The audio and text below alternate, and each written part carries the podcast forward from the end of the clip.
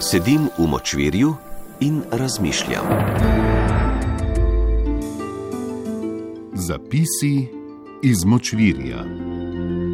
Pujsi v vesolju.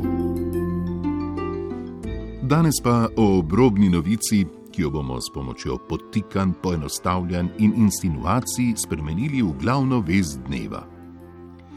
Govorimo o pujskih pod Pekrsko gorco.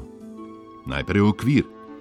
Ostarela kmetica se je na obrobju Maribora dolgo trudila spremeniti namembnost svoje parcele. Mesto je raslo in njeno kmetijo je obdala moderna soseska, njeno zemljišče pa je še kar naprej ostajalo kmetijsko. Potem pa se je gospa prek svojih pooblaščencev odločila, da se bo vrnila k osnovni dejavnosti - kmetovanju. Tako danes sredi san slovenskega višjega srednjega razreda domuje čreda prašičkov. Gremo k živalim.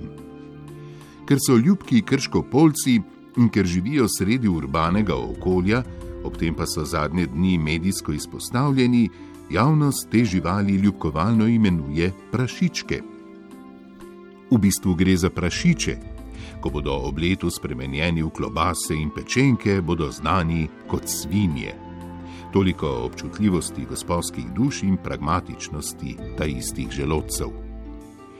Zgodba je razburila ne le mariborsko javnost, saj se leta lahko poistoveti tako s trpečimi sosedi, kot z birokratskimi mlini borečo se gospod predvsem pa prašički oziroma prašiči oziroma svinje opozarjajo na nekaj, kar nas kot družbo tovče in zavira že zelo dolgo.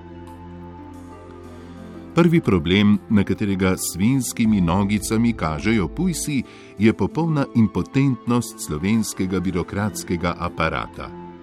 Po novinarskih navedbah se je gospa dolga leta trudila spremeniti kmetijsko zemljišče v gradbeno parcelo seveda bi s tem in s trenutno ceno kvadratnega metra zazidljivega zemljišča omogočila sebi in širšemu sorodstvu precejšnjo finančno injekcijo.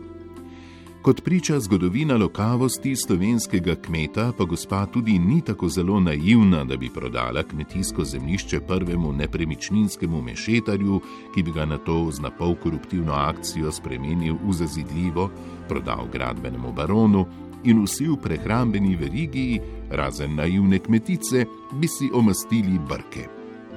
Toliko pa se je v vseh teh letih naučilo že tudi slovensko kmetstvo, da kmetijska zemlja da najboljši hektarski donos, če na njej zasadimo hiše.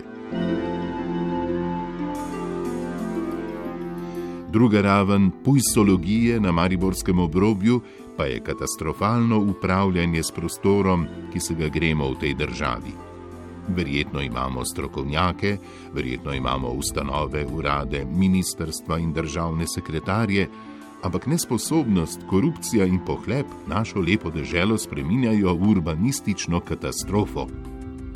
Mogoče najlepše se te težke obtožbe dajo videti med prenosi kolesarskih dirk, ko imamo priložnost iz ptiče perspektive spremljati urbanistično urejene in smiselne pokrajine centralne Evrope med slovensko pentljo pa nam iz zraka kažejo srače gnezdo, kakofonijo stilov, naselij, fasad, slemen in vegave infrastrukture, za katero je odgovorno slovensko prostorsko načrtovanje.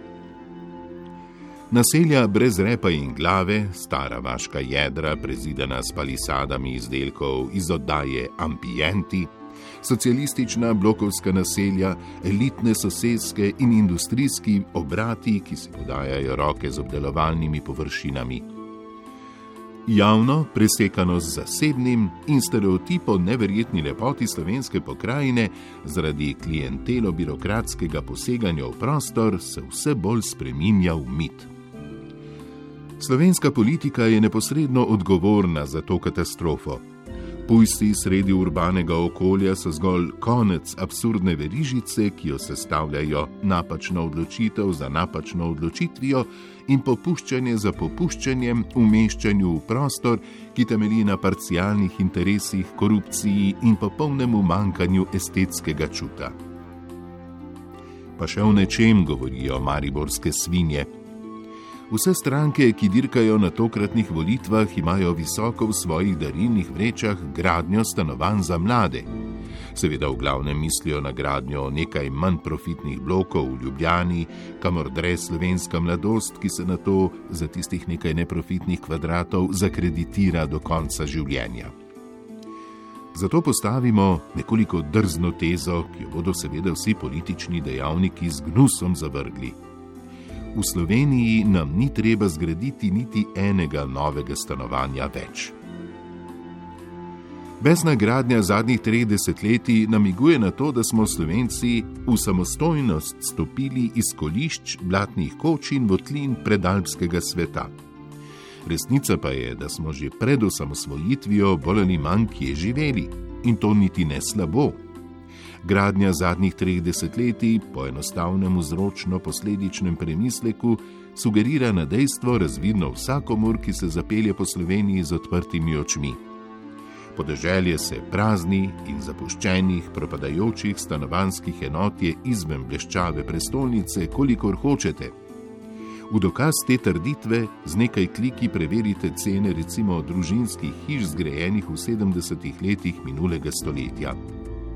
Lastniki, če meči v domovih za ostarele, jih brez uspeha prodajajo za ceno, za katero se je moč v prestolnici privoščiti zgolj pet kvadratov sanitarnega vozla v eni elitnih novograden. Zato je potrebno gledati na pujske in zasedeno kmetijsko zemljišče v mariborskem naselju Studenci kot na opomnik in na zadnji klic na pomoč, po katerem upije slovenski prostor. Modra politika, katera koli že, bo poskušala obrniti trend depopulacije slovenske province z zbližanjem pogojev za življenje med urbanim in ruralnim. Z spodbudami in s priznanjem, da je bilo storjenih mnogo napak, ampak tudi za obljubo, da je trend še mogoče obrniti in da je pokrajino še mogoče rešiti iz pohlepnih rok lokalnih zidarjev. V nasprotnem prašiči kažejo, mogočo bodočo prakso: govedo na fužinah, ovce sredi kopra, kure nesnice v kranju. In seveda, koze in kozli na grajskem hribu, na strmem pobočju, tik nad magistratom.